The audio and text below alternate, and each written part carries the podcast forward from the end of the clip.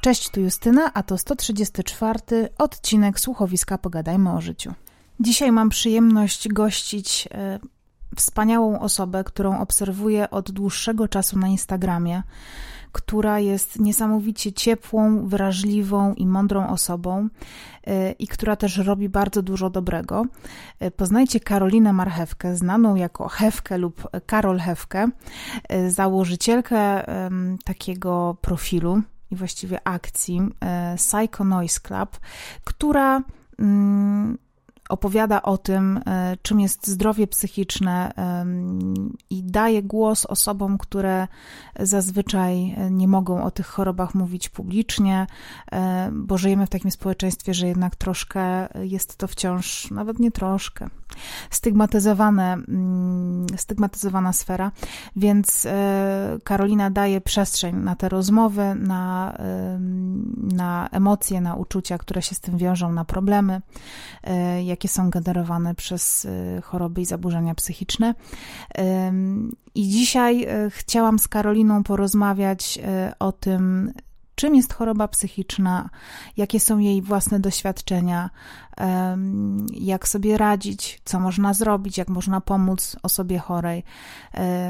I zachęcam wszystkich, nawet nie tylko tych, których problem dotyczy bezpośrednio, do wysłuchania tego odcinka, dlatego że nigdy nie wiemy, kiedy sami na przykład e, zachorujemy, albo kiedy ta choroba dopadnie kogoś e, z naszego otoczenia, e, jakiegoś naszego bliskiego, ważną nam osobę.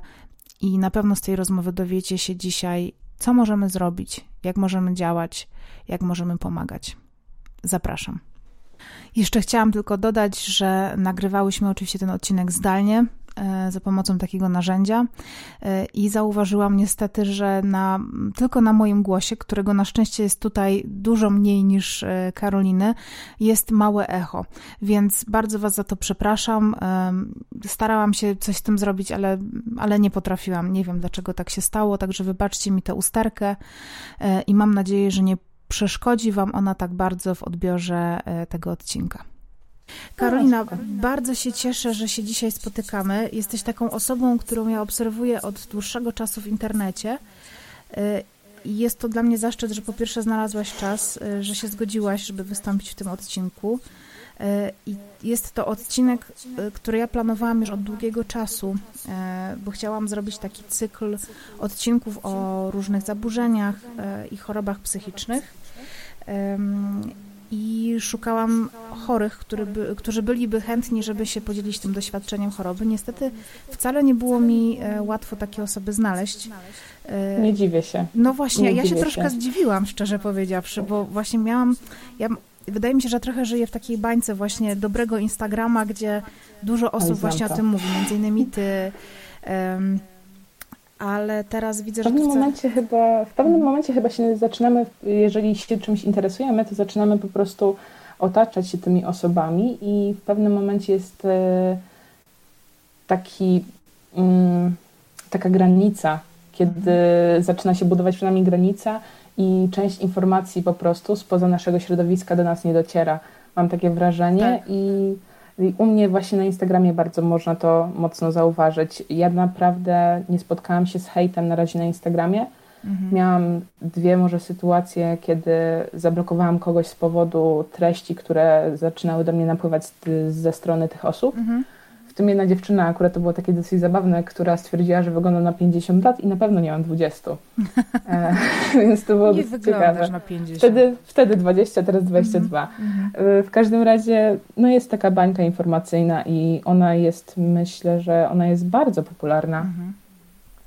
Jest no, z nią dosyć trudno. Właśnie. Jest trochę problemów. Dlatego bardzo się cieszę, że się tutaj dzisiaj spotykamy przed mikrofonem. E, I też e, myślę, że nie mogłabym znaleźć lepszej osoby na pierwszy odcinek e, niż osoby, która sama jakby walczy o to i przewraca głos albo daje głos osobom, które e, cierpią na jakieś zaburzenia czy choroby psychiczne. Twój projekt Psycho Noise Club e, zaczyna być coraz bardziej popularny i, i zachęcam wszystkich serdecznie do tego, żeby odwiedzić profil na Facebooku. Nie na, na Instagramie, Instagramie, a na tak. Facebooku mam nadzieję, że właśnie za niedługo też z tym ruszę, Aha. ale nie ukrywam, że w tym momencie akurat e, no, jestem, jestem studentką też pierwszego roku, a kulturoznawstwo to nie jest tak proste, jak mogłoby się komuś wydawać. E, nie jest tak prostym kierunkiem, bo po prostu mam bardzo dużo przedmiotów, a w tym momencie jeszcze sytuacja e, ze studiami zdalnymi no, nie ułatwia sprawy. Mhm. Ale przymierzam się powoli właśnie do Facebooka, żeby gdzieś tam dotrzeć też do większej ilości osób, mhm. bo na Instagramie jednak nie wszyscy są. Tak. Facebook, Facebook jest bardziej popularny, a nie chodzi mi może o popularność, ale po prostu, żeby te treści Zasięg. właśnie. Mhm, tak, żeby po prostu więcej osób usłyszało o tym, e, zobaczyło, że nie trzeba się wstydzić mhm. i że nie jest się samemu. Dobra, to czego ty się nie wstydzisz? O, dużo jest. Mogę zacząć e, tak um, dużym kalibrem. Mhm. Nie wstydzę się mojej próby samobójczej. Mhm. Mm, I też kilku sytuacji, kiedy tak naprawdę można by było to praktycznie podpiąć pod próbę samobójczą. Nie wstydzę się moich pobytów w szpitalach, bo spędziłam ciągiem 5 miesięcy w szpitalach psychiatrycznych. Nie wstydzę się tego, że chodzę na terapię, że mam świetną psychiatrkę, która naprawdę jest bardzo dobrą specjalistką i dzięki której mogę w tym momencie tutaj rozmawiać Tobą i o, y, o tym rozmawiać, y, że mam świetną terapeutkę. Nie wstydzę się tego, że, um, że mam gorsze dni. Mhm. Nie wstydzę się powiedzieć, naprawdę nie mam siły w tym momencie tego zrobić yy, i powiedzieć, w tym momencie zaczyna mi się epizod depresyjny. Jeżeli będę miała rzadszy kontakt z Tobą, to mhm. przepraszam, ale, ale po prostu muszę się na jakiś czas wycofać uspokoić głowę. Rozumiem, nie ma problemu. To w takim razie może, może zacznijmy od początku. Na co chorujesz i jak zaczęła się Twoja jakby nowa droga, z, czym źle to może zabrzmi, ale jakby Twoje życie z chorobą? Kiedy się e, pojawiły pierwsze objawy, jak to wyglądało, jak wyglądało Twoje życie przed chorobą? To może najpierw o mhm. diagnozie. Wiesz co, zaczynałam diagnozę od ciężkiej depresji i w szpitalu gdzieś tam próbowano też pod to podpiąć troszeczkę zaburzenia osobowości, ale mm, że osobowość się rozwija do 24-5 roku życia, to tak naprawdę nie można wtedy mówić jeszcze tak, no nie mówi się zazwyczaj przed tym e, wiekiem, e, że to są zaburzenia, tylko e, osobowość nieprawidłowo rozwijająca się, ale w tym momencie mam diagnozę chorobę afektywną dwubiegunową, czyli mhm. HAT bardziej popularnie, albo też choroba bipolarna, albo jak to woli. Tak, jeszcze mhm. bardziej. Um, tylko u mnie akurat jest taka sytuacja, że y, u mnie są bardziej epizody depresji, y, w tym momencie bardziej e, lekkiej i mhm. hipomania. Nie miałam jeszcze sytuacji, abym miała psychozę albo właśnie stan maniakalny. Jak się to wszystko zaczęło? Wiesz co, Dużo się na to złożyło spraw. Gdzieś tam różne sytuacje z, jeszcze z dzieciństwa pod tym względem, że byłam bardzo wrażliwym dzieckiem. Dalej w sumie jestem bardzo wrażliwą osobą i bardzo wiele rzeczy biorę do siebie. Mm, jeżeli świata nie rozumiesz, masz niesamowicie dużo bodźców nie potrafisz tego poukładać, to może się gdzieś tam to um, może sprawić problemy z odbieraniem świata. Poza tym od zawsze byłam zakompleksiona bo dla osób, które mnie nie znają na co dzień, e, znaczy nie znają mnie osobiście, no to... Cię poznają.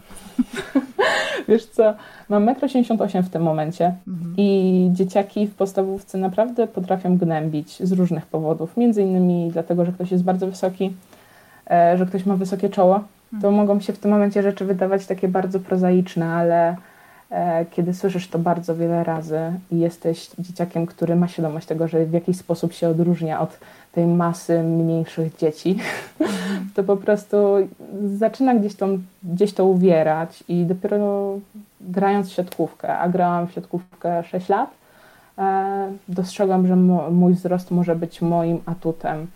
E, właśnie, siatkówka. Trenowałam 6 lat, e, no nie ukrywam, dobrze mi szło. Mhm. Byłam dwa lata w kadrze Śląska młodzieżowej, byłam też na zgrupowaniu kadry Polski szerokim, nie poszłam dalej, ale byłam, więc e, kółeczko e, olimpijskie mam z Olimpiady wow. Młodzieży, Super, więc jestem wpisana, dzięki, jestem gdzieś tam wpisana do e, listy jednak olimpijczyków polskich, chociaż na tym najniższym szczeblu. Mhm. Mm, no i z dziewczynami z drużyny świetnie się dogadywałam, z mojej drużyny.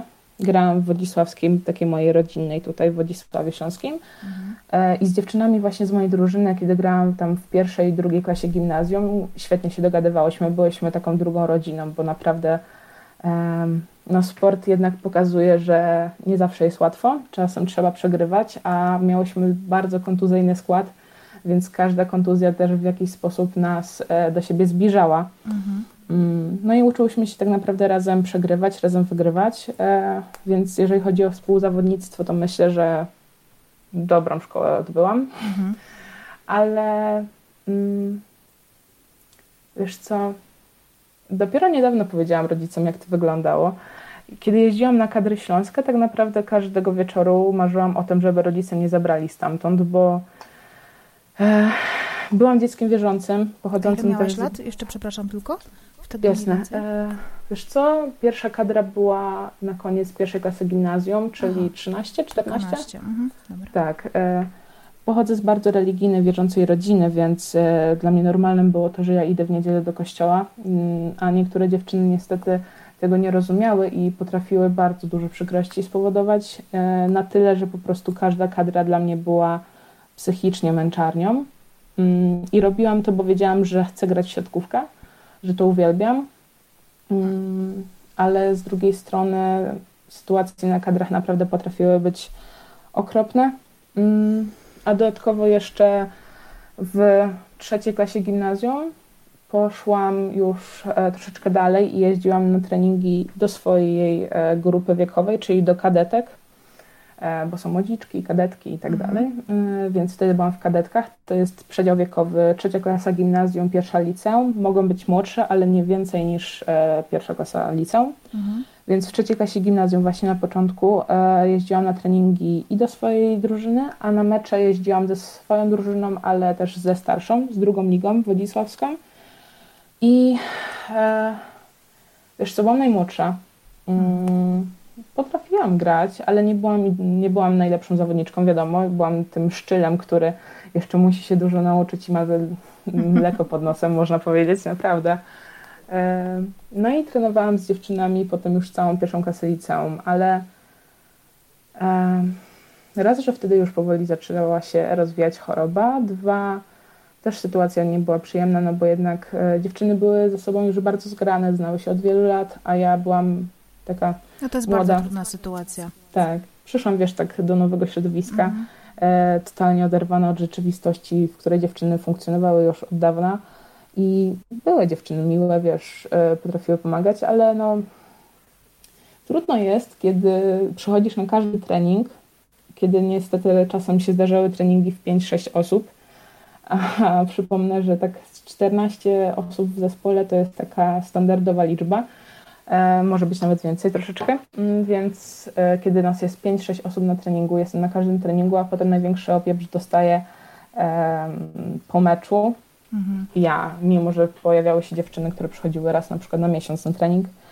E, no i potem się okazuje, że e, Twoja pasja, w którą ładujesz niesamowicie dużo rzeczy, dużo wysiłku, e, dużo czasu, mm, emocji, nagle się okazuje, że zaczynasz tracić tę miłość do tego sportu, do tego hobby i przez ostatnie kilka miesięcy, bo z przerwą na wakacje, e, przed każdym treningiem miałam tak niesamowite e, nerwobóle głowy mocne, że myślałam, że po prostu mi głowa pęknie.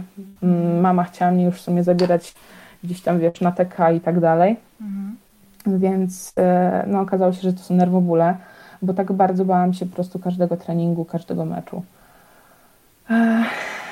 Poza tym coraz większe tak naprawdę, wiesz, dostrzeganie coraz mocniejsze, że w jakiś sposób się odstaje od grupy, e, nieumiejętność znalezienia swojego miejsca, mhm. gdzie na siłę próbowałam znaleźć swoje miejsce w różnych gdzieś tam grupach, właśnie czy to na oazie, czy to w innych miejscach. E, próbowałam się dopasować za wszelką cenę, ale nie wychodziło. No i stopniowo coraz bardziej gdzieś tam się to rozwijało, aż w pewnym momencie mm, Pamiętam, że to był spacer, była trzecia klasa gimnazjum i pierwszy raz przyszła do mnie myśl rezygnacyjna, że lepiej by było, gdyby mnie, gdyby mnie nie było. Jak te myśli są, jak one są silne, bo myślę, że jak jest się nastolatkiem, to często się ma takie wahania nastroju i myśli tak, się o jest, tym, że nie, kurde. To jest, prostu... akurat, to jest akurat chyba nawet charakterystyczne dla tego tak. wieku, że jednak emocje buzują i te reakcje będą bardziej mhm. e, takie drastyczne, bardziej e, charakterystyczne, tak, wyraźniejsze. Ale jednak myśli samobójcze są m, mm, jednak już po przekroczeniu jakiejś granicy. W sensie wydaje mi się, że one są tak. dużo bardziej intensywne. Czy możesz trochę o tych myślach opowiedzieć, czy y, Stopniowo... to jest dla ciebie za trudne? Nie, teraz już potrafię o tym mówić, chociaż nie ukrywam, że z rodziną jest najciężej. Najtrudniej jest mówić e, o tym rodzinie, bo jednak najwięcej czasu się z nią spędza i um, oni potem się obwiniają. Mhm. Oni się obwiniają najczęściej, że nie zauważyli czegoś, dlaczego na przykład się nie mówi, a często nie mówi się, bo się boi, bo się wstydzi. Tak.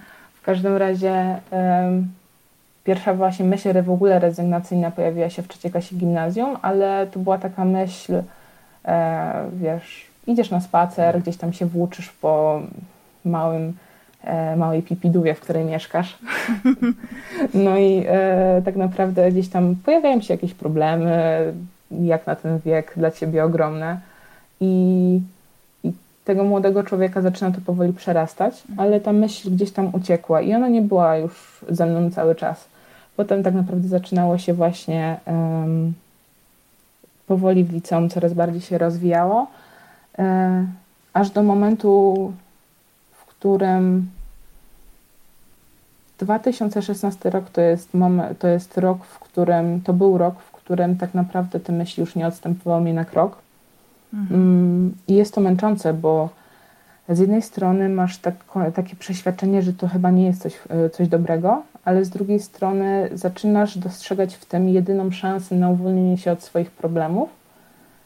I co więcej, e, ja byłam tą osobą, która obwiniała się, dalej w sumie się obwiniam, obwiniam o całe złotego świata, e, chociaż staram się z tym teraz coraz bardziej mm, spierać, walczyć, mhm. może nie do końca. Bardziej próbuję to przepracować. Mhm E, I to jest bardzo dobre, to jest bardzo dobre, że mogę to przepracować z moją terapeutką, ale e, te myśli, one są na tyle w pewnym momencie intensywne, że ja w pewnym momencie nie potrafiłam dosypiać e, z twarzą do drzwi mojego pokoju, bo ja widziałam siebie jak wiszę.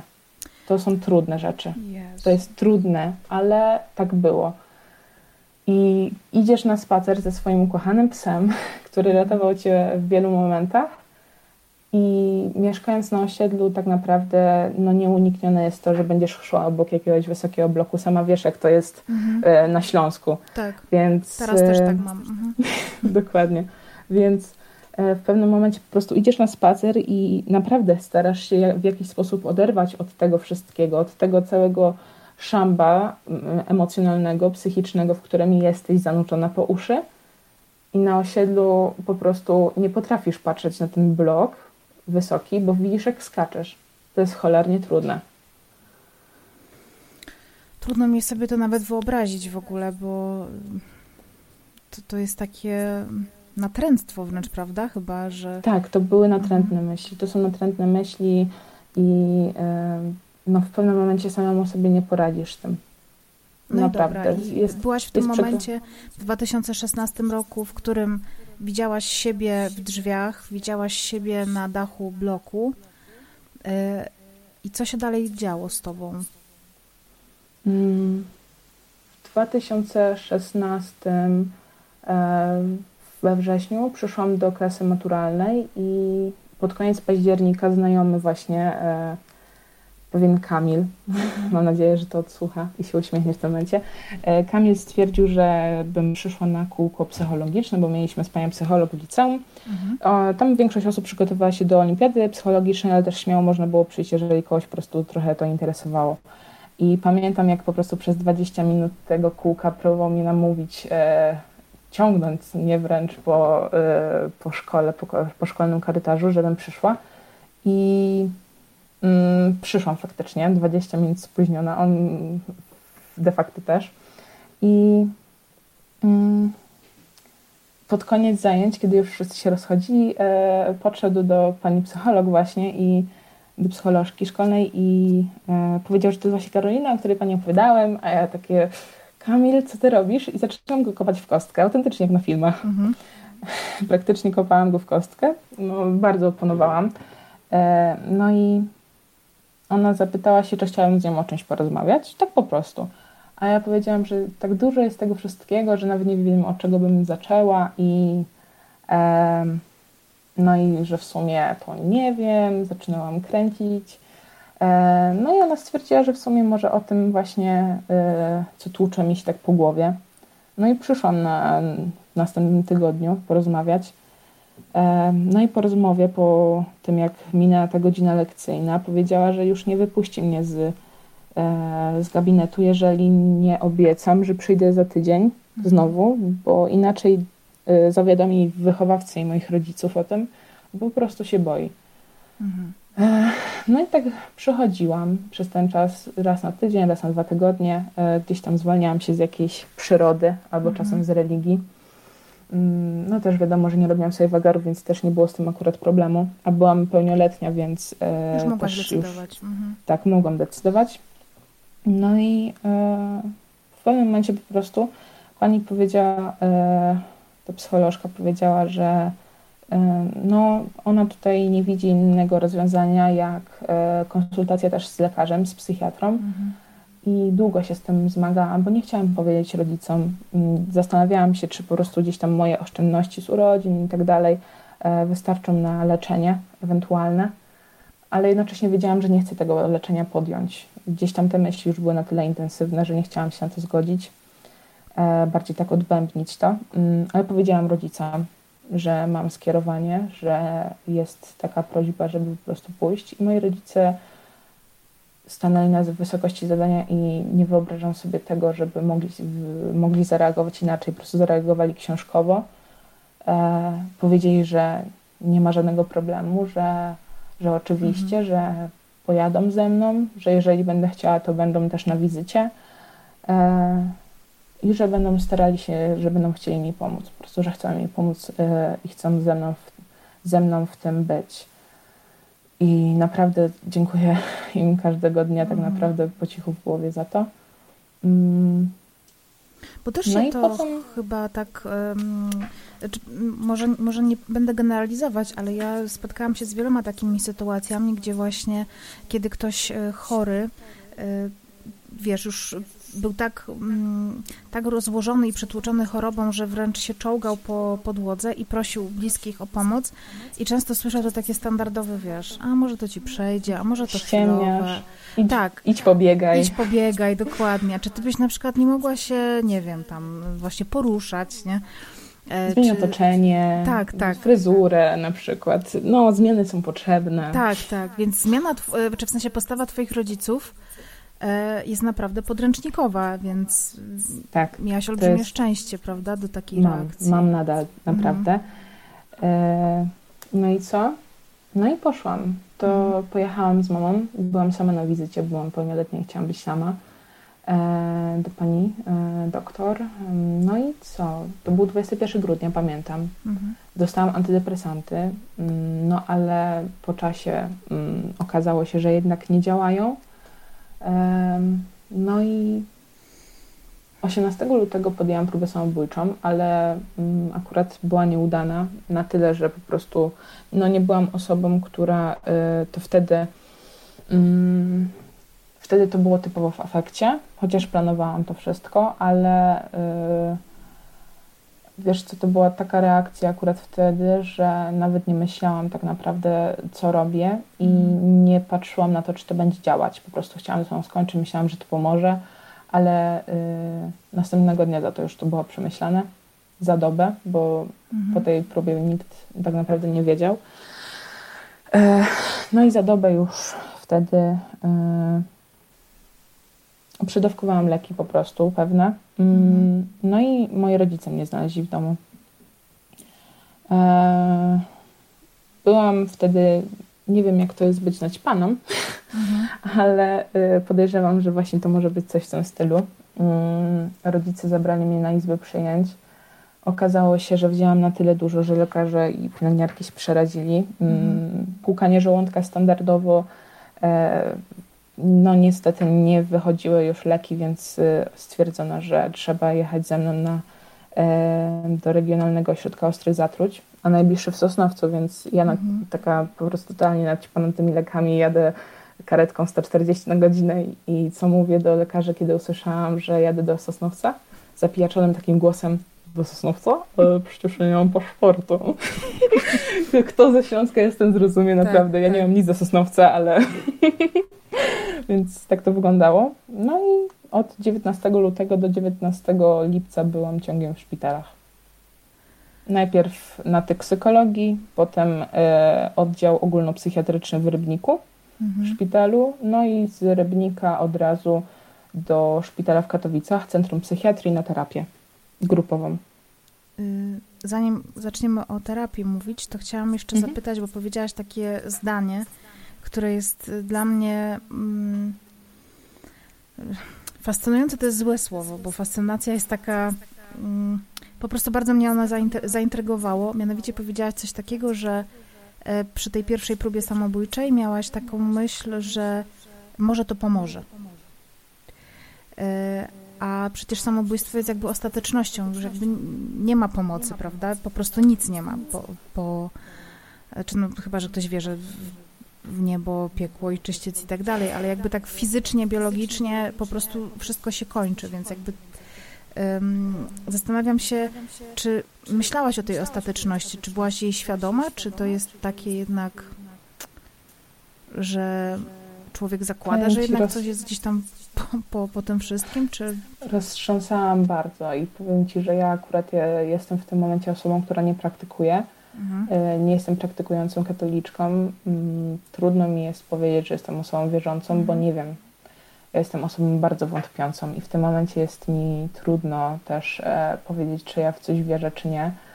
Em, Wiem, że miałam w swoim życiu troszeczkę takich sytuacji, w których, e, w których bardzo, bardzo e, wątpiłam i myślałam, że to nie może tak być, że tak nie może wyglądać świat, jeżeli Bóg jest, ale też miałam trochę takich sytuacji, w których e, no, trudno byłoby mi zaprzeczyć, więc w tym momencie jestem osobą poszukującą i wtedy wtedy tak naprawdę e, myślałam, że jestem największym ciężarem dla moich bliskich, dla Mhm. wszystkich I ten I sposób, że- okej.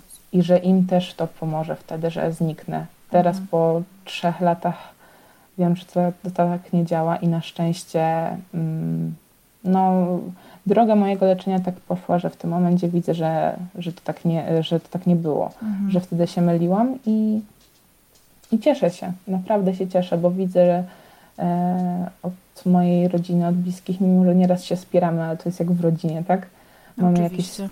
inne spojrzenie na daną sprawę. Ja też mam taki temperament dosyć, dosyć e, mocny, więc e, ja jestem osobą, która naprawdę nie znoszę się kłócić, a jednocześnie często wchodzę w kłótnie. Mhm. Albo sama gdzieś tam trochę zaczepiam, albo po prostu daję się wciągnąć, e, ale no jak to w rodzinie, tak? Nieraz nie zrozumiemy się, ale widzę, że moja rodzina bardzo mnie wspiera. E, moje rodzeństwo, mam trójkę starszego rodzeństwa i no, oni są genialni, powiem Ci. E, naprawdę są genialni. E, I mimo, że oni też nie rozumieli dlaczego, to oni się nie odwrócili. I to jest dla mnie bardzo ważne, bo wtedy w szpitalu, mm, wiesz co, moi rodzice mi powiedzieli, e, pamiętam to dzisiaj, e, jak przyjechali tylko, jak, e, jak, jak tylko przyjechali w poniedziałek, bo trafiłam tam w niedzielę wieczorem, Mhm. Przyjechali w poniedziałek e, na odwiedziny. Ja leżę pod kroplówkami, po prostu nie wstaję. E, Jestem w stanie, jakim jestem. Mm, I oni się zapytali, e, dlaczego. Ja nie potrafię im odpowiedzieć. Ja byłam, mama powiedziała, że i tata powiedzieli, że byłam tak totalnie bez emocji, byłam tak całkowicie wyprana z jakichkolwiek reakcji, Mhm. że oni mnie nie poznawali. Bo ja po prostu byłam jak, nie wiem, może dziwnie to zabrzmi, ale byłam po prostu jak zagipsowana. Mhm. Leżałam z jedną miną po prostu i ja pamiętam, że przez cztery doby ja leżałam i na zmianę liczyłam po prostu krople, które spadały z częstotliwością co 3 sekundy z, z jednej kroplówki, mhm. z jednej kroplówki. I na zmianę bawiłam się moim zegarkiem, który jest gumowy, więc po prostu wywijałam nim na wszystkie strony. I to były moje cztery doby. Ja się budziłam, zasypiałam, budziłam, zasypiałam, nawet nie wiedziałam, która jest godzina. E, no też lekarz prosił, żeby, żeby mi nie przekazywać telefonu po prostu, więc mhm. rodzice nie, przy, nie przywieźli mi telefonu, więc przez cztery dni byłam całkowicie odcięta od świata w taki sposób. I no, byłam całkowicie bez emocji. Za to e, byłam przyjęta do szpitala w Rybniku w czwartek. To był tłusty czwartek w ogóle. Mhm. A w piątek e, moja siostra mnie odwiedziła z, z moim szwagrem, z mężem. I wtedy e, po tych czterech dniach zeszło za mnie ciśnienie na tyle, że nie potrafiłam się uspokoić przez dwie godziny. Po prostu płakałam, wyłam. Nigdy w życiu tak jeszcze nie miałam wte, wtedy. Mhm. Od, od tamtego czasu trochę, trochę, trochę już takich sytuacji miałam ale to ciśnienie po prostu zaczęło ze mnie schodzić na tyle, że nie potrafiłam z nimi rozmawiać, a oni razem ze mną płakali, a potem po prostu nie potrafiłam się uspokoić i wyglądałam pewnie jak obraz nędzy i rozpaczy, zapłakana, zasmarkana, czerwona, dusząca się, po prostu nie potrafiłam sobie powiedzieć słowa i tak przez godzinę siedziałam u lekarki, która próbowała ze mną zrobić wywiad. Więc mhm. po czasie potrafię z tego troszeczkę żartować, ale no tamten moment był bardzo trudny i mam takie wspomnienia trochę mgliste, no bo już po przydawkowaniu jednak wiadomo, że moja percepcja już nie była tak ostra jak normalnie. Mhm. Mm, wiem, że to była moja najgorsza noc w życiu. To mogę powiedzieć. To była moja najgorsza noc w życiu. I mam nadzieję, że nigdy już tak nie będzie. Mhm. A powiedz mi, y, bo diagnozę o chorobie dwubiegunowej usłyszałaś wtedy, czy usłyszałaś później? Później e, mhm. diagnozę dwubiegunówkę usłyszałam na początku 2019 roku, jeżeli się nie mylę. To i tak jest bardzo szybko w przypadku dwubiegunówki. E, teraz mam tą postawioną diagnozę, ale no niewykluczone, że za jakiś czas okaże się jednak po dłuższej mhm. obserwacji, że może być coś innego, bo tutaj akurat, e, jeżeli chodzi o choroby psychiczne, no to myślę, że powinniśmy być przygotowani na to, że za jakiś czas może się pojawić inna diagnoza. Nie mhm. musi, ale może, bo mm, no to jest na tyle rzecz płynna, mhm. że tak powiem, że po prostu nasza psychika jednak w danym momencie może wskazywać na coś, y, na coś konkretnego, ale potem nagle się pokazuje, okazuje, że jednak nie. Ja miałam taką sytuację właśnie, kiedy zaczynało się od ciężkiej depresji, ale to jest dosyć częste w przypadku choroby afektywnej dwubiegunowej, że zaczyna się od depresji, mhm. ale potem właśnie pojawia się ten stan czy to maniakalny, czy to hipomaniakalny. Mhm. No i dopiero w tamtym momencie, kiedy usłyszałam tę diagnozę, to troszeczkę bardziej zrozumiałam może dlaczego tak się zachowałam, no bo przecież epizod depresji, tak, ale potem nagle się okazuje, że jest jakiś moment, jakiś fragment czasu, który się totalnie wyłamuje z tego obrazu, który mamy przed oczami, myśląc o depresji. A I... powiedz właśnie, jeżeli możesz opisać, e, jak wyglądały te stany, kiedy właśnie byłaś e, w hipomanii.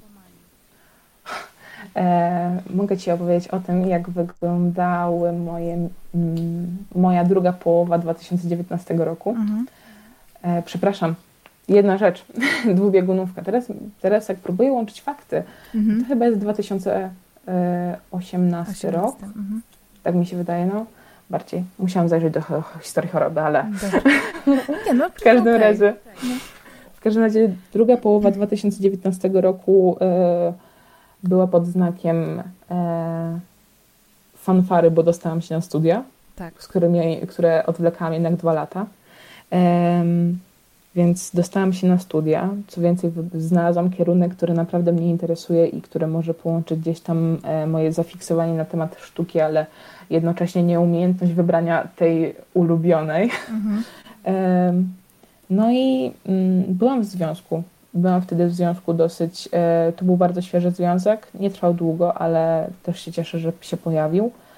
E, bo dał mi bardzo dużo dobrego i mam nadzieję, że ja też chociaż trochę mogłam dobroci tam dać. W każdym razie e, byłam w związku, zaczynałam te miesiące, pracowałam i była ta myśl, jednak przyświecała myśl, że będę studiować, że poznam miasto, które kocham, bo mhm. wybrałam Katowice, a pokochałam tak stopniowo Katowice. E, trwało to kilka lat, kiedy przyjeżdżałam tam odwiedzać znajomych i byłam w takiej w takim zamkniętym kole, kiedy bardzo dużo się działo, kiedy było niesamowicie intensywnie, bo no, trzeba wspomnieć, myślę, że warto wspomnieć, że od y, próby samobójczej miałam bardzo ograniczone kontakty ze znajomymi, ze względu na to, że po prostu y, mocno się odcięłam, niedługo mnie, długo mnie nie było tutaj w Wodzisławiu. Mhm. E, potem znajomi pojechali na studia, z którymi znałam się z liceum. Oni wyjechali w większości na studia.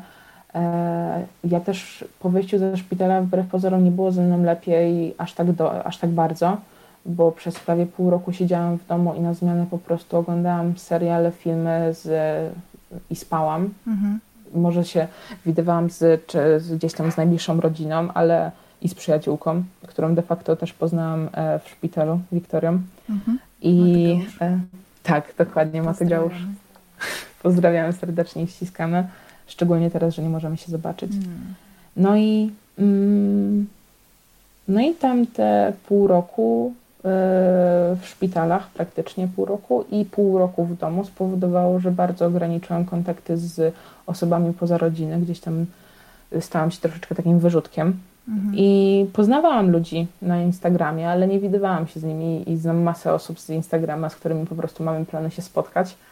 Mam nadzieję, że się uda, ale wtedy z ludźmi fizycznie się nie widziałam. I w 2019 roku mm, w te wakacje poznałam właśnie w krótkim czasie bardzo dużo nowych osób. Mhm. E, bardzo dużo się działo, bardzo dużo dobrych rzeczy się działo. Gdzieś tam moja higiena na przykład snu, e, gdzieś tam takie kwestie, które dla osób e, z dwubiegunówką są ważne mhm. przy, do utrzymania właśnie jednak jak najdłużej remisji i stanu takiego w miarę stabilnego no to u mnie te rzeczy w tym wtedy po prostu zaczynały się wykruszać i zaczynało się zbyt dobrze. Mhm. Bo komuś się może wydawać, że hipomania to jest świetny stan, kiedy masz masę energii, nie potrzebujesz wiele snu, mhm. jesteś osobą produktywną, która ma masę pomysłów, zabawną, wszędzie cię pełno, masz ogrom pomysłów, jak mówiłam. I tak, może tak być. Wbrew pozorom, jednak to nie jest takie świetne, bo, bo okazuje się, że jest tego za dużo, że zaczynasz być osobą wyjątkowo drażliwą, która ma masę pomysłów, ma tysiąc pomysłów na minutę, naprawdę, ale żaden pomysł nie, nie jest przeradzany w czyn, albo jeżeli coś zaczynasz, zaczynasz zbyt wiele rzeczy, porzucasz nagle. Mhm. no, w pewnym momencie, kiedy śpisz 4 godziny na dobę, jest już męczące i zaczynasz być taką emocjonalną osobą, która po prostu kąsi na prawo i lewo, mimo że nie chce. Mhm. E, zaczynasz ranić, ranić bliskich, zaczynasz e, być osobą, która nie potrafi przestać mówić. Ja jestem gadułą naturalnie. Naprawdę, tutaj też to myślę, że słychać. E, jestem naturalnie gadułą, ale potrafię też milczeć chociaż niektórzy w to nie wierzą. Naprawdę. Ja się akurat cieszę, że jesteś gadułą, więc super. No, w każdym razie po prostu moje gadulstwo takie naturalne, kiedy ludzie wiedzą, że po prostu jestem wygadana i tyle, się przeradza w słowotok i nie można mi przerwać. Po prostu ze mnie wylewa się masę słów i pamiętam jak miałam wtedy wizytę właśnie telefoniczną akurat e, musiałam mieć z panią doktor, jak już przyjechałam do Katowic październiku, listopadzie. Mhm. Miałam właśnie telefoniczną, zdalną rozmowę z lekarką i ona w pewnym momencie tak, wiesz, gadam, gadam, gadam, gadam i w pewnym momencie tak się zastanawiam, czemu ona nic nie mówi.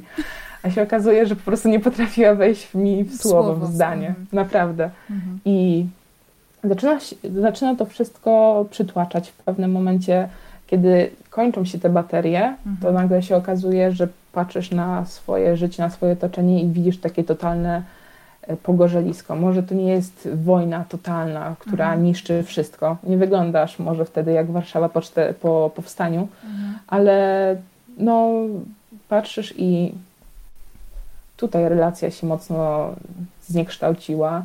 Tutaj nagle się okazuje, że twoi bliscy inaczej postrzegają to, bo e, ciebie postrzegają, bo mm, mogłaś powiedzieć wiele rzeczy, których nie chciałabyś powiedzieć, które często nawet nie są e, do końca prawdziwe, bo mówisz rzeczy też, przynajmniej ja tak mam, że gdzieś tam potem e, wypowiadam swoje, e, swoje myśli i domysły, a mhm. często jednak to, czego się domyślamy, nie jest zgodne z prawdą. Bardzo często Więc... nie jest zgodne z prawdą. Właśnie. Dokładnie. Mm. Więc pada często dużo nieprzyjemnych słów. Otoczenie cię całkowicie inaczej po prostu postrzega. I to jest trudne dla mnie naj, chyba najtrudniejsze. Na szczęście nie miałam sytuacji, w której wydaję dużo pieniędzy, chociaż no, mogłabym wyznaczyć, mogłabym zaznaczyć takich kilka niezbyt potrzebnych zakupów, mhm. gdzie potem patrzę na stan konta i ała, mhm, mhm. ale na szczęście nie zaciągam kredytów. Mhm. Ale potem też jakieś różne dziwne sytuacje, które mm, totalnie nie pasują do mnie takiej na co dzień, e, też, się, też gdzieś tam mają miejsce mocno to wykrzywia e, rzeczywistość i wtedy postrzeganie świata jest trochę inne. Na początku myślisz, że możesz przenosić góry i po mhm. prostu możesz przebiec maraton e, albo nie wiem, pokonać e, Ranmagedon mhm. albo jeszcze jakiś inny po prostu. To wszystko jest możliwe. Tak, wtedy możesz przenosić górę, a potem się okazuje, że tak naprawdę ta góra, którą próbujesz podnieść, całkowicie cię przygniata. No to jest takie trochę branie kredytu energetycznego, nie? Tak w organizmie, że, że tak, i potem... się tyle zużywa jej, że potem po prostu musisz startować z jakiegoś minusowego stanu. Tak. Nie? I kiedy przychodzi właśnie ten moment, kiedy musisz spłacić pierwszą ratę, to się zastanawiasz z czego. No właśnie. Więc e, no potem u mnie akurat odbiło się tym, że bardzo taka, no u mnie akurat dosyć taka jak na mnie, długa hipomania utrzymywała się i kiedy się skończyło, to się okazuje, że e, z, właśnie z, ze szczytów gór spadasz w depresję. A czy właśnie w tej chorobie y, są tak zwane stany pośrednie, że po prostu jest norma, czy właśnie y, jest depresja i mania albo hipomania? Y, jest. Mhm. jest coś takiego, występuje i to jest właśnie ten moment wyczekiwany, mhm. czyli moment względnej takiej stabilizacji, e, kiedy mm, jednak w tym bardzo może pomóc raz, że leczenie farmakologiczne, dwa, że bardzo też pomaga leczenie właśnie e, psychoterapia. Mhm. Ja w tym momencie akurat jestem w nurcie psychodynamicznym, bo po prostu muszę wiele rzeczy jeszcze przepracować ze sobą, mhm. ale podejrzewam, że za jakiś czas e, będę szukać po prostu grupy gdzie mogłabym pójść na terapię grupową. Mhm. I może kiedyś właśnie behawioralno-poznawcza. To jest taka, która jest często akurat e, właśnie wykorzystywana mhm. przy leczeniu dwubiegunówki. Bo ona daje takie bo... konkretne rozwiązania, nie? W konkretnych tak, sytuacjach. Mhm. Tak, i skupiasz się na tym, y, co tu i teraz tak. i jak reagować, jak nie reagować. Wyłapujesz takie swoje właśnie błędy y, zachowawcze, że tak powiem, mhm. jakieś błędne właśnie y, sposoby działania i starasz się je przepracować w inny sposób, y, zacząć działać. W dwubiegunówce na szczęście są momenty względnej stabilizacji. Mm, no i w tym akurat muszą pomagać nam najczęściej leki, które no w tym momencie mam świadomość tego, że najprawdopodobniej będę je brała całe życie. Mhm. E, co trochę boli, bo nie ukrywam, że chciałabym na przykład zostać dawcą krwi, ale z moimi lekami niestety nie mogę oddawać mhm. krwi. Więc to jest dla mnie trudne. Poza tym też, no, e, bycie na lekach nie jest jakoś tak super fajne, e, bo po prostu ta świadomość, że jednak są rzeczy, które, które no, nie do końca możesz przepracować, e, no bo jednak kiedy na przykład mamy depresję i to nie jest depresja typowo taka właśnie o podłożu biologicznym, tylko psychologicznym, jednak psychicznym, mhm no to jednak e, masz świadomość tego, że jest szansa, że kiedyś będziesz na przykład mogła funkcjonować bez leków, tak. bo będzie dużo rzeczy, które od ciebie zależą i możesz je przepracować na terapii. Mhm. A tutaj właśnie jest ten e, fragment, w którym uświadamiasz sobie, że bez leków nie zaśniesz, tylko też trzeba pamiętać o tym i myślę, że to jest bardzo ważne, żeby powiedzieć. Leki nie zmieniają człowieka. Tak, e, to jest też bardzo ważne. Dokładnie. To jest bardzo ważne, to jest cholernie ważne, bo y, od wielu osób słyszałam gdzieś tam, że martwią się, że kiedy zaczną brać leki, to staną się inną osobą. Leki nie zmieniają naszego charakteru. Leki zmieniają to, że na przykład poprawiają działanie neuronów w naszym mózgu, przepływ y, po prostu informacji, nie wiem, potrafią spowodować lepszą koncentrację, potrafią wyrównać, gdzieś tam uregulować sprawę z twoim snem. No właśnie, bo to też jest ważne, że, że ludzie często postrzegają leki jako coś, co nas zmienia, a tak na dobrą sprawę leki nam pozwalają wrócić do stanu e, zdrowia, do tego stanu zero, dokładnie, którego my nie mamy dokładnie. naturalnie, nie? Więc e, to, to jest wręcz odwrotnie. Mhm. To może być takie sztandar, to, to może już być takie oklepane dosyć tak. porównanie, no ale jeżeli naprawdę jest ktoś chory na cukrzycę, no to mhm czy tej osobie będziemy mówić weź się w garść, mm. zacznij biegać, zmień swoje życie, nie mhm. wiem, może, może, może porozmawiaj z kimś, nie albo... Nie jest cukru to ci pomoże. Nie jest cukru. albo jeżeli mamy osobę z złamaną nogą, a akurat miałam takich kontuzji dosyć sporo, no to czy ktoś mi ze złamaną nogą, ze złamanym palcem, e, nie wiem, wyrwanym ze stawu mówił, no Karola, generalnie to a może byś spróbowała bez kul, mhm. może byś tak spróbowała, wiesz, po co ten gips? Po tak. co ty ograniczasz? Po, czemu odciążasz tę nogę? No nikt mi tego nie mówi, tylko, mu, tylko stwierdza, patrzy, no cholera, ten palec odstaje o 90 stopni od stopy. Warto by mhm. było to naprawić generalnie. Potem trzeba dbać o to, żeby nie obciążać stopy, żeby to się dobrze zrosło. tak, mi się wydaje, choroby? że społeczeństwo właśnie bardzo, bardzo wypiera te takie... Mm, uznanie y, psychiki jak na przykład mózgu, no bo to jest jakby mhm.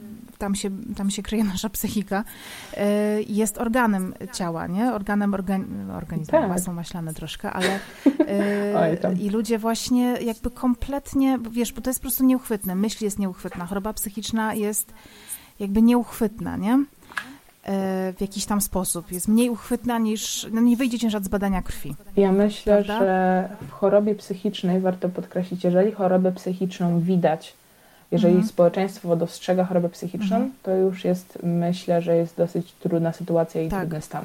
Zaawansowana. Bo możemy, możemy dostrzegać właśnie e, społeczeństwo, jeżeli tak na pierwszy rzut oka na przykład dostrzega, że ktoś ma bliznę, mhm. mimo że nasze społeczeństwo, akurat Polska, po, Polacy dalej, myślę, że no nie tylko Polacy, ale Polacy wybitnie, myślę, że starają się za, jakoś, wiesz, załamać rzeczywistość i, i próbują za wszelką cenę sobie jakoś to inaczej tłumaczyć albo po prostu wypierają. Widzę, nie widzę. Widzę, odwrócę wzrok, tego nie było, to nie moja sprawa.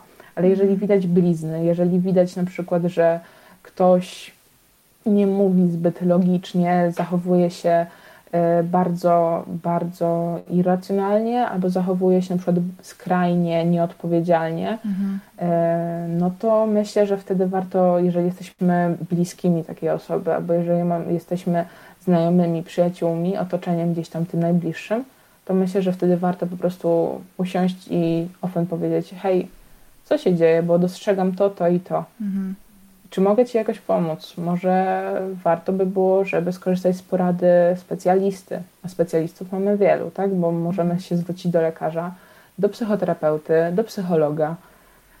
Może być dużo różnych powodów i może się okazać, że ostatecznie może tutaj nie ma problemu y, jednak ze zdrowiem psychicznym.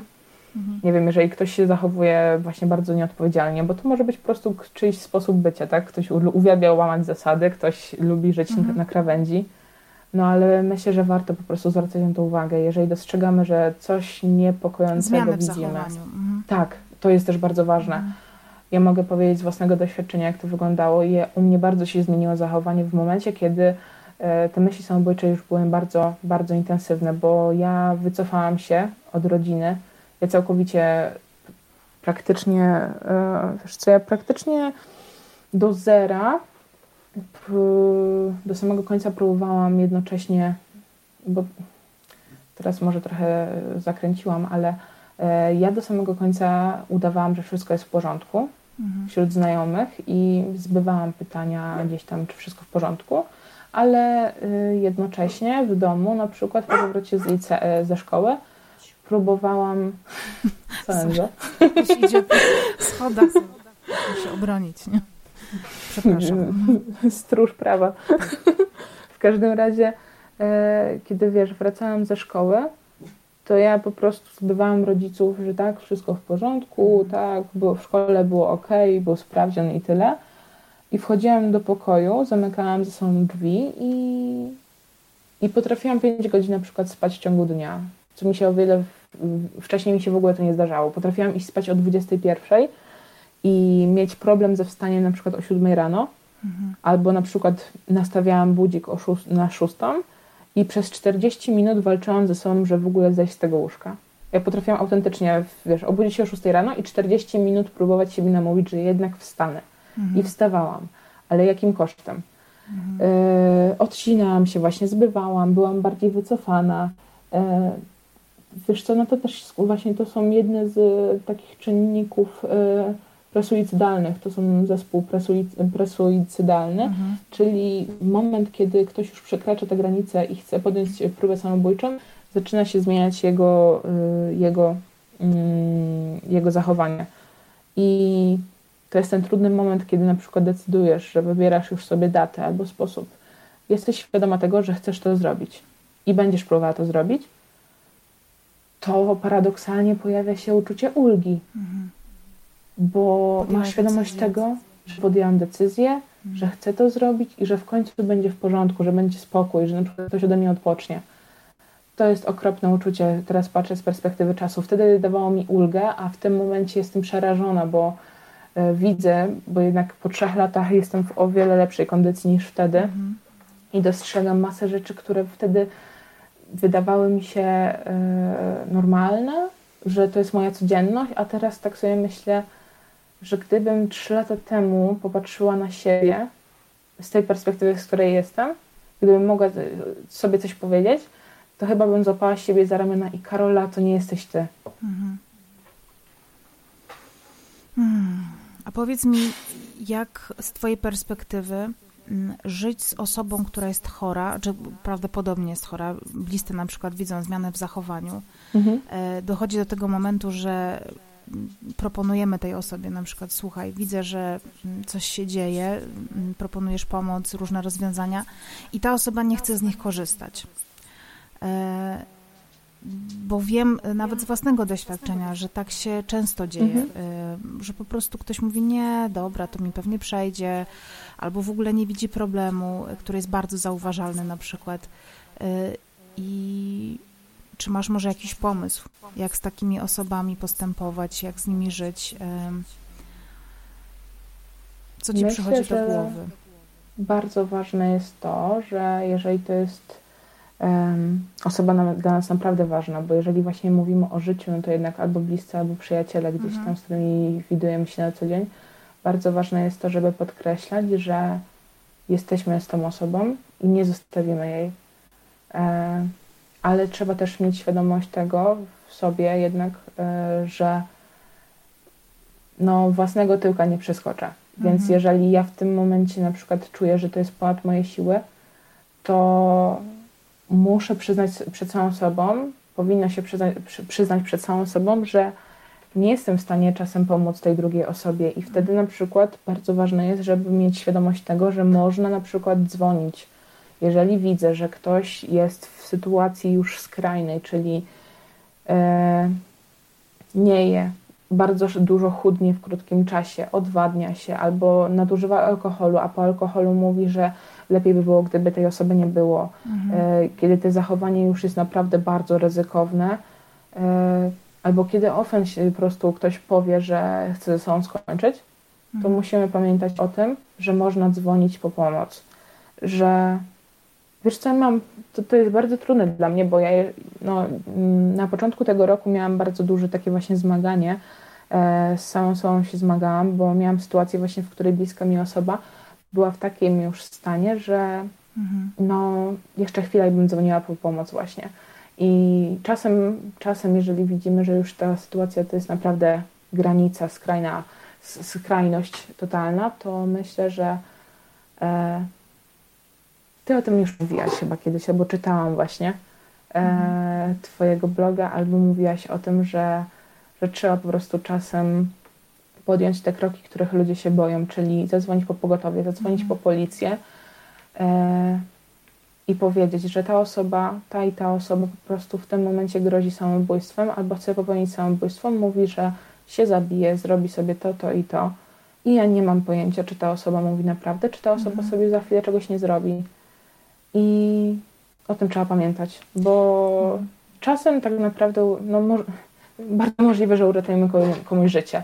A jeżeli ta osoba na przykład, nie wiem, chciała zrobić test, y, czy naprawdę się mną interesujesz, mhm. no to, to i tak myślę, że pokazuje, że ta osoba i tak musi coś przepracować ze sobą. No myśmy mieli właśnie takie dwie sytuacje. Ja miałam jedną z czytelniczką na blogu, która napisała do mnie list pożegnalny E, i powiedziała, że właśnie idzie się zabić i zadzwoniłam wtedy po policję i nawet napisałam o tym e, wpis, bo to było, mnie to kompletnie Czyli zaskoczyło. to, to jest to, bo to, jest to czytałam. Tak, a druga sytuacja to ze znajomym, który na Facebooku um, chyba gdzieś koło pierwszej w nocy wrzucił jakiś post. E, to był znajomy właściwie Krzyśka, ale jakby no to już mhm. nasz wspólny, nie?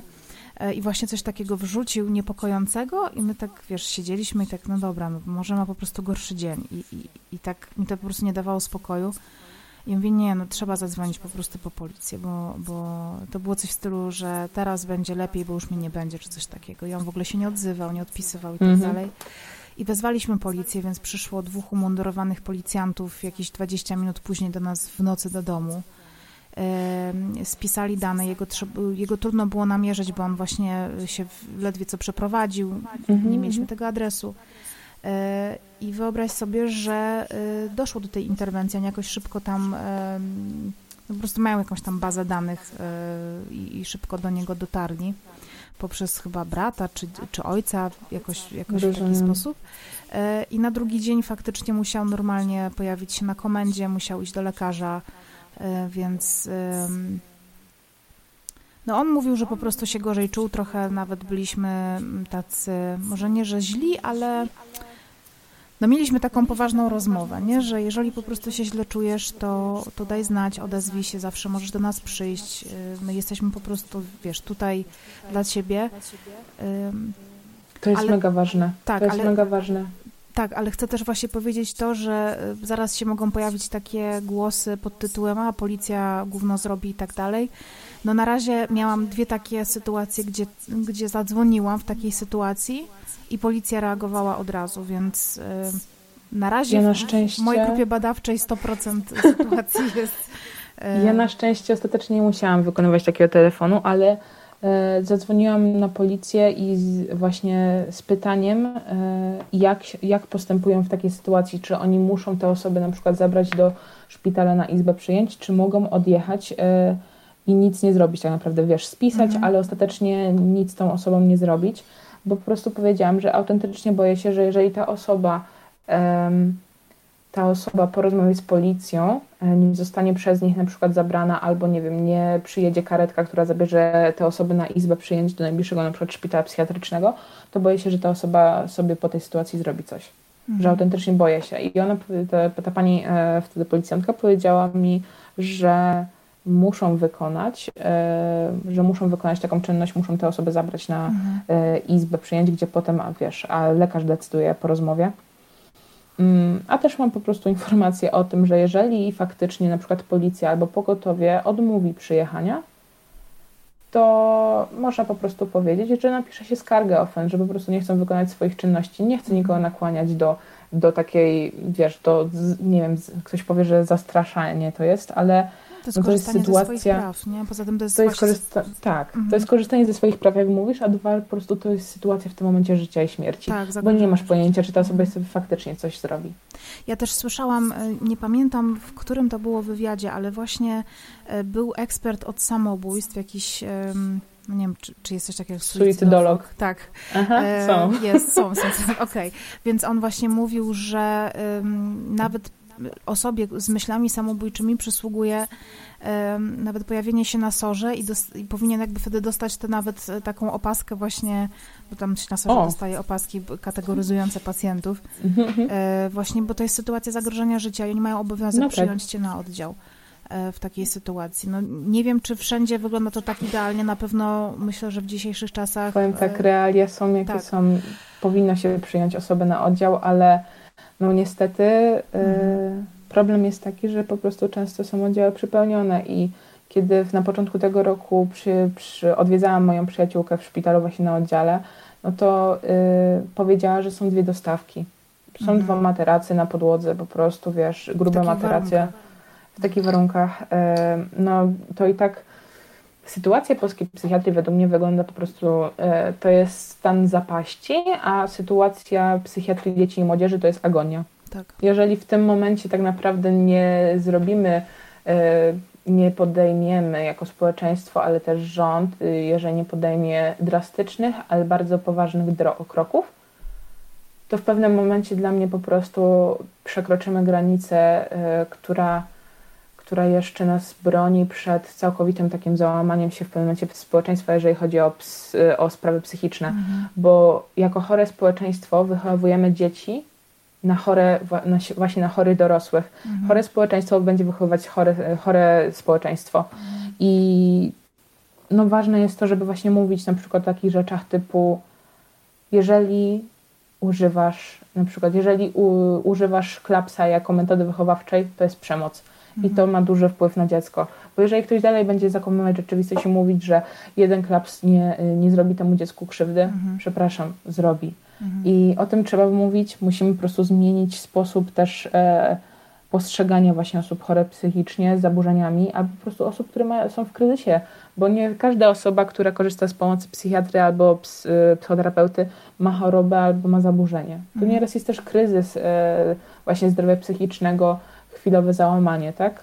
Tak, też, zresztą też e, nie każda wizyta, czy nie każde pójście do psychoterapeuty kończy się wieloletnią terapią. Czasami to Dokładnie. właśnie jest takie doradztwo e, e, właśnie kryzysowe czy sytuacyjne, to są konsultacje. W danym momencie po tak. prostu, tak. nie? Mhm, mhm, też na, na, przykład są terapie, które są z góry, wy, które mają z góry wyznaczony moment końcowy, tak? Czyli tak. spotykamy się na konkretną ilość sesji i wtedy chcemy przepracować konkretną sprawę. Możemy na przykład e, na psychoterapii e, możemy przepracować, e, nie wiem, naszą pewność siebie zwiększyć, mhm. albo na przykład reakcji na sytuacje stresujące. Mm, możemy, nie wiem, zastanowić się nad tym na przykład, dlaczego pewne kwestie nam nie wychodzą, czyli dlaczego na przykład bardzo często, nie wiem, wchodzę w taki, a nie inny związek. Tak i po prostu zawsze jest ten sam e, schemat. schemat. Mhm. I naprawdę czasem wiesz, wystarczy komuś kilka sesji albo kilkanaście, a czasem będzie to będzie, będzie trzeba po prostu kilka lat się widzieć z terapeutą. Mhm. Myślę, że też warto podkreślić, że e, istnieje coś takiego jak wypalenie, nie tylko zawodowe, ale też właśnie w terapii. I jeżeli w pewnym momencie dostrzegamy, że ten specjalista, u którego jesteśmy, on już nie jest w stanie nam za bardzo pomóc. Albo na przykład, jeżeli widzimy e, drastyczne na przykład łamanie naszych praw, jeżeli słyszymy coś bardzo nie w porządku e, z ust terapeuty, no to myślę, że też warto mhm. pamiętać o tym, że my nie jesteśmy do niego przywiązani i przypisani i po prostu nie może tego zmienić. Mhm. Możemy szukać. Ja tak na przykład miałam, że byłam e, w terapii właśnie u mm, jednej specjalistki, ale z różnych powodów po prostu musiałam e, zrezygnować z tej terapii. I e, po czasie teraz dopiero, po tych trzech latach mogę stwierdzić, że e, to była jedna z najlepszych moich decyzji, po prostu, bo mam wrażenie, no nie wiem, czy ta osoba tak samo miała, ale ja mam wrażenie, że moja terapeutka wte, ówczesna za bardzo wchodziła, w, wiesz co, wychodziła z roli terapeuty i jakby reagowała mm, bardziej jak rodzina niż terapeuta. Mhm więc ona już za bardzo się angażowała. Mam takie wrażenie. Czy tak było? Nie wiem. Ja się cieszę bardzo, że wtedy zrezygnowałam, bo dzięki temu trafiłam do aktualnej specjalistki, z którą bardzo mi się dobrze pracuje. Mhm. no. Ja miałam kiedyś taką sytuację, nie wiem, czy o niej mówiłam w podcaście, kiedy moją e, gościnią była moja przyjaciółka, z którą rozmawiałyśmy właśnie o psychoterapii. I ja miałam taką sytuację, chodziłam e, do takiego e, psychiatry, który był psychoterapeutą mhm. i on e, zasypiał na moich sesjach. I ja byłam absolutnie Pamiętam ten odcinek. To mówiłam ja o tym, myśla... tak. Ja myślałam, że po prostu sobie, wiesz, że, że, że, że ja, się łapałam za głowę, ale myślałam, że po prostu, wiesz, że mi uszy pękną, no bo jak ja to usłyszałam, to w pierwszym momencie było takie no co do cholery, słuchaj, jak to jest ja, możliwe? No właśnie i dlatego trzeba świadomość budować ludzi, że na przykład ja w ogóle byłam przekonana, że on mi tym, że to jest jakiś element terapii. Więc ja po prostu siedziałam i ja byłam taka, jestem, już teraz jestem coraz bardziej asertywna, ale też asertywność moja, brak asertywności wówczas objawiał się tym, że ja mu nawet nie zwróciłam uwagi. Ja po prostu kończyłam sesję, może głośniej chrząkałam, płaciłam mu te ciężkie pieniądze, których nie miałam na tę terapię na dobrą sprawę. E, I jak poszłam do mojej e, psychoterapeutki, z którą już odbyłam taką pełną terapię, której jestem wdzięczna za bardzo wiele rzeczy w moim życiu dzisiaj, to pierwsze, co jej się właśnie zapytałam, że on zasypiał na sesjach i czy to e, było normalne. I ona się tak uśmiechnęła, tak tak. Ja dalej nie wiedziałam, czy ona mi chce powiedzieć tym uśmiechem, pod, y, wiesz, na zasadzie, no tak, to był element terapii, czy na zasadzie pani Justyno. No jak pani myśli, nie? Czy zasypianie na terapii?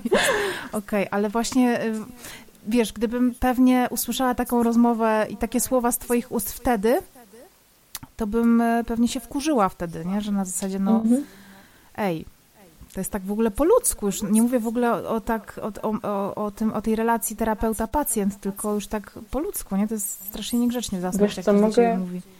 mogę Ci na przykład powiedzieć, że o takiej sytuacji, kiedy właśnie um, byłam na terapii grupowej i tam miała sytuacja, e, miejsce taka, że po prostu byłam przeziębiona, ale miałam na tyle mocne te przeziębienie, że miałam zapalenie gardła bardzo, bardzo yy, mi dokuczające i chciałam wejść na sesję po prostu z butelką wody mhm. i wiesz, nie można w mojej grupie nie można było mieć ani jedzenia, ani picia na sesji i po prostu było się pod ba y, bardzo, bar bardzo ważną y, obserwacją terapeutów, którzy reagowali na każde twoje na przykład zmianę pozycji siedzenia mhm. i wiesz, i starali się to interpretować, bo faktycznie y, wiesz, no bardzo dużo rzeczy można też wyczytać podczas terapii z zachowania. Tak ale no, trzeba też pamiętać o granicach, żeby nie interpretować po prostu wszystkiego.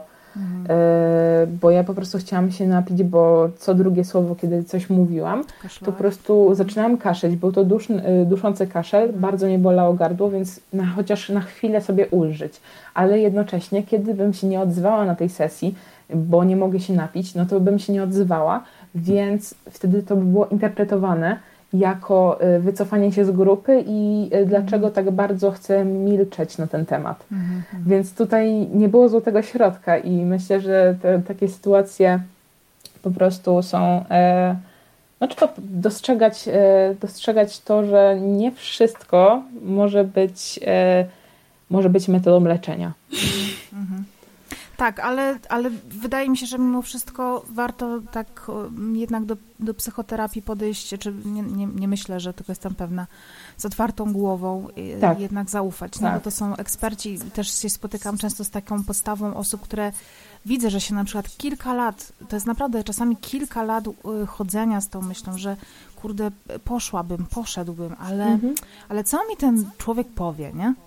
Powie, powie, powiedz mi, co on mi powie, nie? Ja mówię, no nie wiem, co on ci powie, bo ja nie jestem, wiesz, psychoterapeutą, nie wiem, co ty mu powiesz. On ci przecież nie powie formułki, tylko on zareaguje na to, co ty mu powiesz, zadać jakieś on pytanie. On słucha tak. i będzie starał się właśnie też wywnioskować wiele rzeczy z tego, co mówisz. Tak. Na początku wiadomo, jeżeli to jest, e, to są pierwsze sesje, no to naturalne jest to, że poznajesz się z terapeutą, więc on zbiera od ciebie tak naprawdę dużo informacji i robi wywiad. E, bo też chce się zapoznać z tym, co co u Ciebie jest, e, jakie są problemy, jakie są po prostu możliwości działania, czy on na przykład może Ci pomóc w danej sytuacji, bo też czasem są sytuacje, kiedy przychodzimy do specjalisty i on może powiedzieć, że przepraszam, ale ja Pani na przykład z tą rzeczą nie pomogę, bo na przykład specjalizuje się w czymś innym, mhm. tak? E, no i myślę, że po prostu trzeba, tak jak mówisz, z otwartą głową podejść do terapii, a jednocześnie myślę, że po prostu bardzo ważnym jest, mm, żeby też pamiętać, że można pytać. Mhm. Jeżeli czegoś na przykład nie jesteśmy pewni, albo na przykład jeżeli coś nas y, gdzieś tam mocno nurtuje, jeżeli mamy jakieś wątpliwości, y, no to śmiało. Terapeuta odpowiada na pytania. Może czasem gdzieś tam y, próbować przez tę odpowiedź jednak znowu gdzieś tam dotrzeć nakierować. do ciebie. Mhm. Tak, dotrzeć do ciebie po prostu ale naprawdę. Pytania, pytania nie bolą. Mhm. Ja w ogóle dostawałam swego czasu, głównie jak prowadziłam bloga y, i tam się bardzo skupiałam na terapii, to właśnie dostawałam mnóstwo pytań na zasadzie, słuchaj, moja terapeutka powiedziała to i to, jak ja to mam interpretować? Ja zawsze zapytaj psychoterapeutki, bo ja absolutnie nie mam zielonego pojęcia, nie? Dokładnie. Y, I właśnie ludzie zadają te pytania, ale no często, oni często je zadają obcym osobom, które nie mają zielonego mhm. pojęcia i wręcz mogą wpłynąć trochę nawet destrukcyjnie na, na te relacje psychoterapeutyczne. Ja pamiętam, jak ja kiedyś miałam taki y, trudny moment w psychoterapii, po prostu był to trudny moment. No tak. Y, przepracowywałam coś tam, o czym nie byłam jeszcze tak do końca świadoma i ja oczywiście pomyślałam, że po prostu terapia jest do dupy, mi się tam nie podoba i tak dalej i zaczęłam rozmawiać z inną znajomą, która y, była wtedy w szkole jakiejś tam psychoterapii, ale w innym nurcie zupełnie i ona mi zaczęła właśnie tak, zaczęła mnie trochę buntować. I pamiętam, że ja na szczęście jakimiś resztkami y, sił się tej terapii utrzymałam. Y, I potem widziałam, jaki to był właśnie niebezpieczny moment, że zaufałabym komuś zupełnie obcemu, kto nie zna moich problemów, nie zna Dokładnie. tej sytuacji, nie jest w tej relacji. To jest tak, jak czasami ludzie proszą porady, o porady o, wiesz, związkowe, nie? Mhm. Przedstawiają tylko mały wycinek i tylko ze swojej perspektywy i oczekują od obcych osób, że im doradzą, co mają zrobić, nie? E, wiesz, mamy taką naturalną po prostu tendencję do e, dawania rad. Ja na mhm. przykład tego się nauczyłam na terapii grupowej i staram się, staram się e, to stosować że nie dajemy rad i nie życzymy. Mhm. Możesz poka- po, możemy śmiało podzielić się tym, co myślimy, co my widzimy z naszego punktu widzenia, ale dawanie rad nie należy do naszych kompetencji w wielu sytuacjach, czyli no to szczególnie akurat e, odnosiło się do terapii, tak? No bo jesteśmy pacjentami i każdy przychodzi tutaj ze swoim problemem. No, nikt z nas nie ma e, wtedy, wtedy tamtej sytuacji, nikt z nas nie miał e, kwalifikacji, nie miał wykształcenia, które mogłoby gdzieś tam no, jednak wskazywać na to, że jest osobą kompetentną, mhm. no to jeżeli ktoś opowiada o jakiejś trudnej sytuacji ze swojego życia, o konkretnym problemie, no to ja jako druga osoba, która też tutaj przychodzi ze, swoimi, ze swoim bagażem emocjonalnym i ze swoimi problemami, no nie będę nie powinnam, według mnie, nie powinnam dawać rad i słuchaj, bo to jest tak, tak, tak i tak. Jak zrobisz to, to i to, to będzie super. Na pewno to pomoże. Mhm. No, halo, nie do, nie do końca. No pewnie. No, jest coś, jest coś w tym, co ty mówisz, że właśnie mamy tak z automatu, nie takie rady. Ktoś na przykład się nam zwierza, mówi o jakiejś trudnej sytuacji i od razu leci cała litania. A może to, a może to, a może to. Czasami po prostu wystarczy powiedzieć, bardzo Ci współczuję. Jeżeli mogę Ci jakoś pomóc, to daj znać. Jestem tutaj dla Ciebie i wydaje mi się, że to jest w ogóle jakaś taka niezwykle. Mm, to jest taka naprawdę bardzo duża siła, która potrafi podnieść niejednego z takiego trudnego dołka, nie, w życiu. Dlatego też w sumie powiem Ci, e, tym się kieruję właśnie z myślą o Psycho Noise Club, mhm. bo E, chcę pokazać po prostu, że hej, my istniejemy, nie bagatelizuj tego, że, e, że mam chorobę psychiczną, więc tak naprawdę mi nic nie dolega i to jest moje widzimisię. Nie. Mhm. Ja mam faktycznie z czymś problem, ale jednocześnie żyję w społeczeństwie i nie chcę być marginalizowana, mhm. E, ale chcę też pokazać, że nie jesteś sama. Mhm. Że to, że na przykład chorujesz na tę chorobę albo zmagasz się z tym, tym i tym, albo po prostu, że byłaś na terapii, ale wstyd ci powiedzieć na przykład najbliższej osobie albo dalszej rodzinie, znajomemu w pracy albo komukolwiek, wstydzisz się na przykład wziąć L4 od psychiatry, naprawdę jest grono osób, które na swój sposób cię rozumieją, bo wiadomo, że nigdy tak naprawdę nie zrozumiemy do końca drugiego człowieka, bo nie siedzimy w jego głowie, Oczywiście. ale na, na tym poziomie doświadczeń wspólnych z konkretną sferą y, życia możemy Cię zrozumieć i wiemy, że to jest trudne na przykład powiedzieć bliskim, chodzę do psychiatry. Mhm. Albo powiedzieć, nie wiem, rodzicom, albo dzieciom, partnerowi, komukolwiek, ej, słuchaj, nie mogę się dzisiaj spotkać, bo idę na terapię. Mhm. E, no to, to nie jest łatwe. W naszym społeczeństwie nie jest łatwe, bo u nas mówienie o swoich problemach jest, jest um, takie, to, to nie jest oczekiwanie społeczeństwa. Kiedy na przykład ktoś się pyta, jak się czujesz, to zazwyczaj jednak stara się, najczęściej, jeżeli to nie jest osoba bliska, stara się jednak, wiesz, to jest e, grzecznościowy zwrot i po prostu jak się czujesz, a dobrze, jak u ciebie, a też dobrze, no to fajnie i cześć. Na tym to nie, e, jeżeli chodzi o rodzinę, no to już tutaj wiemy, że tutaj wchodzimy w głębsze sprawy. Mhm. Jeżeli ktoś zapyta się nas, jak się czujesz, a ty powiesz, wiesz co, przez ostatni czas jakoś tak gorzej się czuję, mam mniej motywacji, ciężko mi stać z łóżka, apetyt, apetyt mi na przykład spadł albo cokolwiek, straciłam zainteresowanie e, moimi pasjami, no to tutaj ludzie w tym momencie nie wiedzą za bardzo, jak zareagować. I wtedy tak, wiesz, dostają informacje i takie, cholera, co ja mam z tym zrobić? I myślę, że w tym bardzo może pomóc psychoedukacja, żeby dostrzegać, właśnie uczyć e, nas i starszych, i młodszych, dostrzegać różne sytuacje, ale też y, myślę, że bardzo ważne jest w ogóle mówienie o emocjach i, i o uczuciach, y, o emocjach, które są w ciele, że one są neutralne, mhm. ale jednocześnie dają nam y, jasno do zrozumienia, że coś się dzieje. I na przykład, jeżeli w małym dziecku pojawia się złość, no to nie, tłum, nie, nie mówmy, dlaczego się złościsz, albo dziewczynce nie wypada, mhm. albo mm, nie wiem, przestań się wygłupiać, przestań, yy, co gorsza jeszcze powie się ktoś, powie ktoś świrować, mhm. co ty robisz, albo tak samo dziecku płaczącemu, ta, płaczącemu tak? Mhm. Czemu się mazgaisz, czemu ryczysz, nie rycz, mhm. no to myślę, że ważne jest, żeby właśnie pokazywać, że te emocje się pojawiają w, na, w nas z konkretnego powodu. Tak i mm, też właśnie uczyć, e, powinniśmy się uczyć nawzajem tego, że z tymi emocjami można też coś zrobić. I na przykład, że to, że pojawia się we mnie gniew, nie znaczy, że jestem na przykład, nie wiem, że nie, nie znoszę, nienawidzę danej osoby. Mhm. Mogę być na kogoś zła, a jednocześnie mogę tę osobę e, bardzo cenić, tak? Mhm. W danej sytuacji po prostu pojawiają się konkretne emocje. Tak. No to jest, to jest bardzo, bardzo ważne. Mm, I, i takie właśnie, no tylko to, to, że od nas, od dorosłego wymaga to tej takiej dużej samoświadomości, żeby, żeby mm, potem ją przelać na dziecko, nie? To jest takie, no, to jest olbrzymia co, Ja myślę, że chyba tak patrząc właśnie jak Judyta, twoja siostra, y, mhm. y, gdzieś tam na, na, Instagramie, na trybie matki właśnie działa, ale też patrzę na moją siostrę. Y, to, my, to są podobne właśnie typy rodzica bardzo E, albo ten sam nawet, kiedy, wiesz, traktuje tego małego człowieka, który ma dwa albo trzy lata, nie potrafi jeszcze odpowiednio wypowiedzieć swojego na przykład imienia, mm, ale traktuje je jako... albo jeszcze nie potrafi mówić.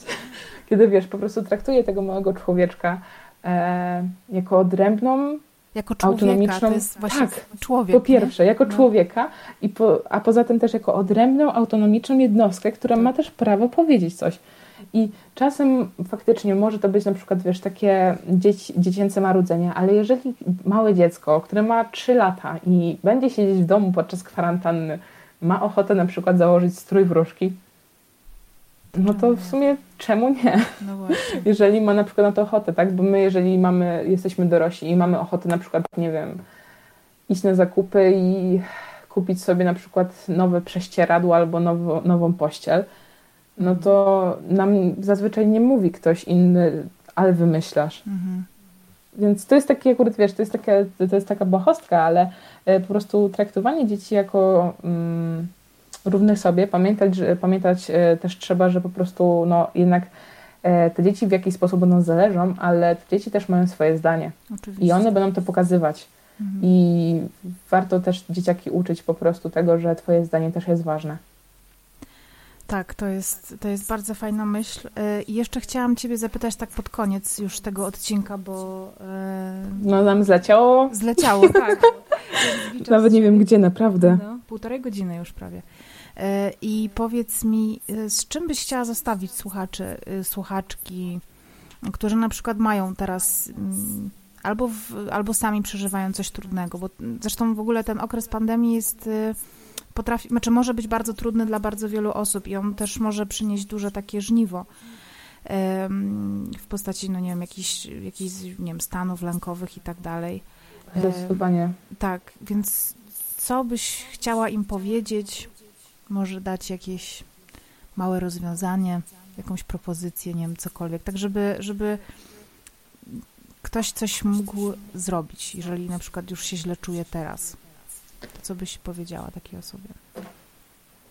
nie bagatelizuj swojego stanu. Jeżeli widzisz, że coś zaczyna cię niepokoić albo zachowujesz się inaczej niż zazwyczaj, niż kiedyś, to nie wstydź się powiedzieć e, bliskiej osobie, której ufasz, że nie wszystko jest w porządku. Jeżeli nie masz takiej osoby, możesz znaleźć pomoc w różnych miejscach. W tym momencie jeszcze mamy czas kwarantanny. Wielu specjalistów daje porady e, zdalnie i do tak. tego jeszcze bardzo wiele osób daje porady właśnie e, pro bono, więc mhm. to też jest ważne.